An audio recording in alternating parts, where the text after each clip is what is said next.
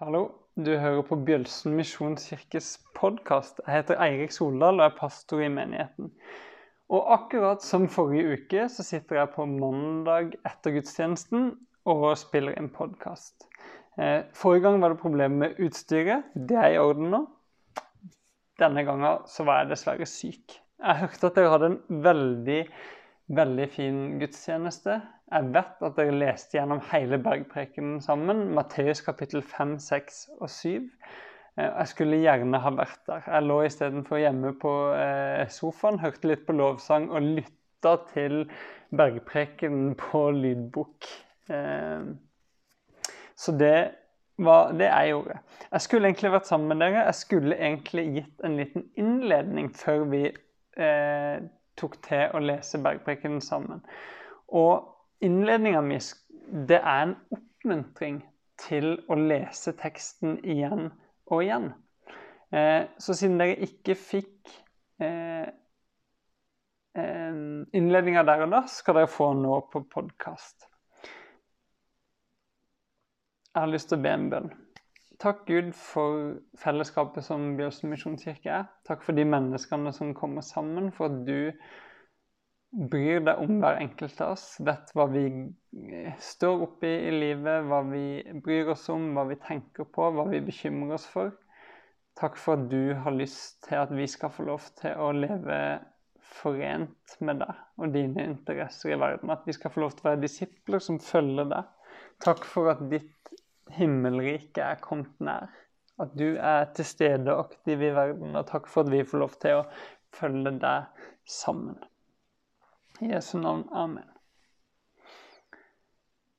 Vi skal gå til en salme i Bibelen nå. Salme nummer én. Og den skal få lov til å gi oss litt inspirasjon til å lese bergprekenen mange, mange, mange ganger. Og det som er litt kult, er at Salme 1 egentlig ligner veldig mye på bergprekenen. Eh, både innledninga Jeg tror det er ganske klart at Jesus valgte å hente inspirasjon fra denne salmen til hvordan han starta den store, viktige talen sin. Og avslutninga ligner. Og salmen, den høres sånn her ut.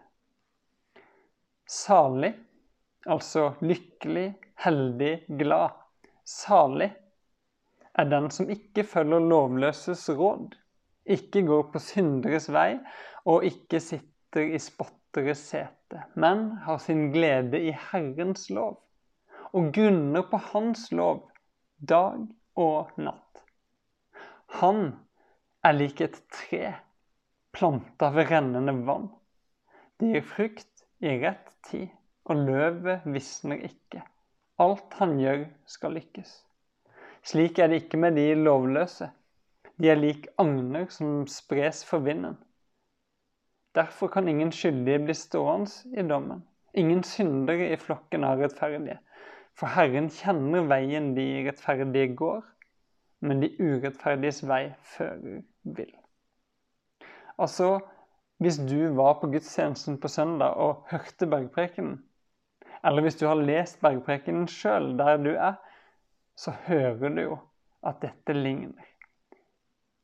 Salme 1 begynner med samme ordet salig.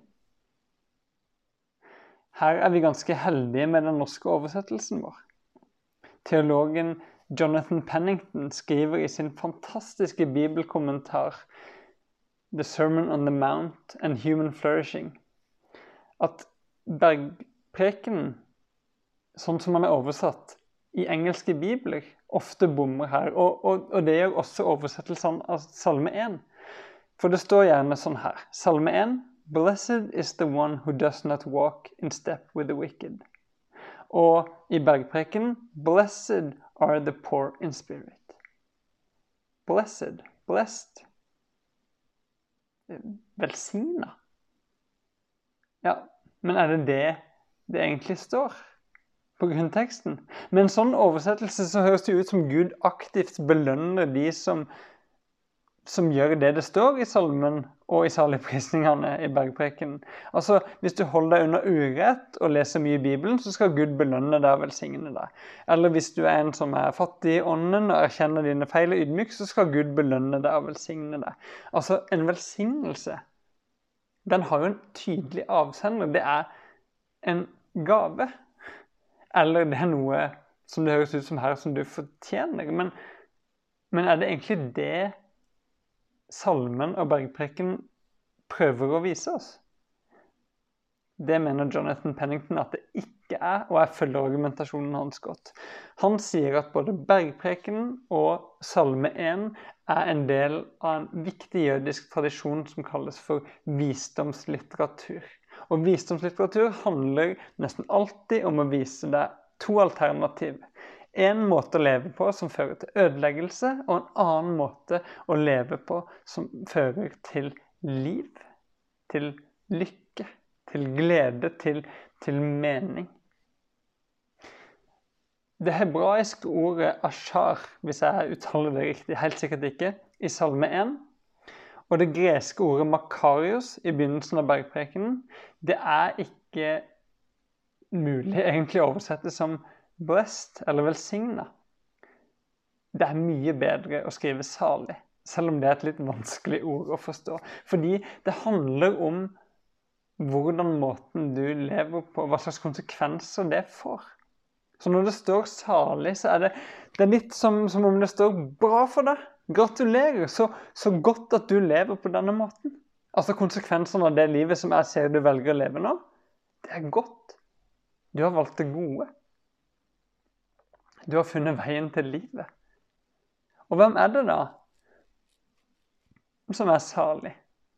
Hvem er det som har funnet det gode liv, ifølge Salme 1? Jo, det er den som ikke følger lovløses råd, ikke går på synderes vei, og ikke sitter i spotteres sete, men har sin glede i Herrens lov og grunner på Hans lov dag og natt.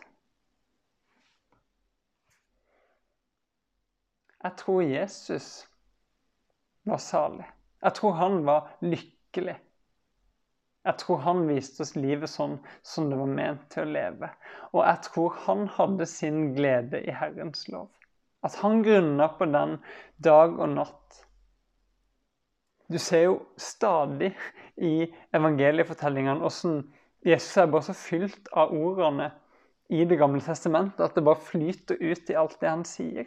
Og du ser at han er opptatt av å undervise folk i loven, eller Tora, eller veiledning, som det også kan kalles, og forklare det videre til andre. Til å utdype, oppfylle det som står der. I bergprekenen så inviterer Jesus oss til å gjøre det samme. Han sier 'Jeg har ikke kommet for å oppheve loven, men for å oppfylle den'. Og han sier at den som vil være stor i himmelriket, må, må leve etter loven og lære andre å gjøre det samme. Og så inviterer han oss til et liv som handler om dette. Tett på Guds ord. Tett på Bibelens råd, veiledning, lov. Kan vi ta imot invitasjonen til Jesus? Kan vi ha vår glede i ordene hans, i Herrens lov?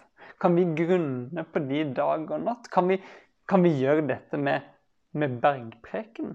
Jesus sin ja, kan, I hvert fall en av de aller viktigste talene han har. Altså, ikke bare lese ordene én gang og bli ferdig med dem. Nei, å lese dem igjen og igjen. Grunne på dem. Tygge på dem stille spørsmål til dem. Spørre hva mener Jesus egentlig her med dette han sier? Eller la ordene i bergprekken få stille spørsmål til oss. Hva slags konsekvenser kan dette få for mitt liv? Jeg tror det er en god idé.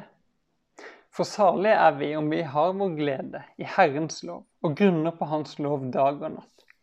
Da blir vi likt trær planta ved rennende vann. Vi gir frykt i rett tid, og løvet visner ikke. Alt vi gjør, skal lykkes. Og alternativet, ja, det er det motsatte. Alternativet er et liv uten frykt. Alternativet er et tre som visner, et hus som faller, et liv som ender i, i ødeleggelse. Det er dette som beskrives både i slutten av Salme 1 og i slutten av Bergpreken. Dette minner litt om da Moses holder sin andre eh, utgreiing av Moseloven. Og han sier 'Jeg har lagt framfor dere veien til det gode, til livet, og har fram, lagt fram veien til det onde og til døden. Velg da livet', sier han. Ja, salig er den som har sin glede i Herrens lov og grunner på Hans lov dag og natt. Det er veien til livet. Jeg har lagd en bibelleseplan.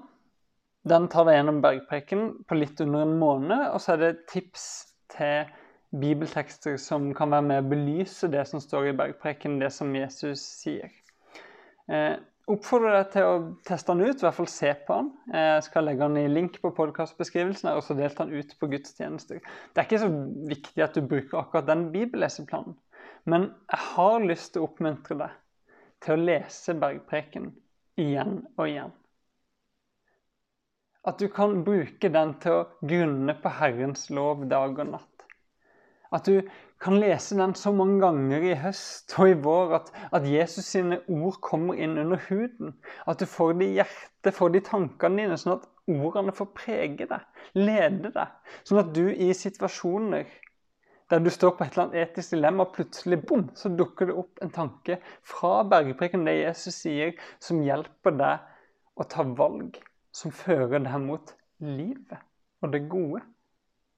For det er det Jesus inviterer oss til. Livet sånn som det var ment til å leves. Salig er den som har sin glede i Herrens lov og grunner på Hans lov dag og natt. Oppmuntringa, utfordringa, invitasjonen er gitt til både meg og til deg. Til å lese bergpreken mange ganger i tida som kommer, og til å stille spørsmål til teksten, og la teksten få stille spørsmål til våre liv. Håper jeg ser deg på gudstjeneste. Neste søndag skal vi dykke litt dypere inn i saligprisningene, der Jesus inviterer oss til det gode liv.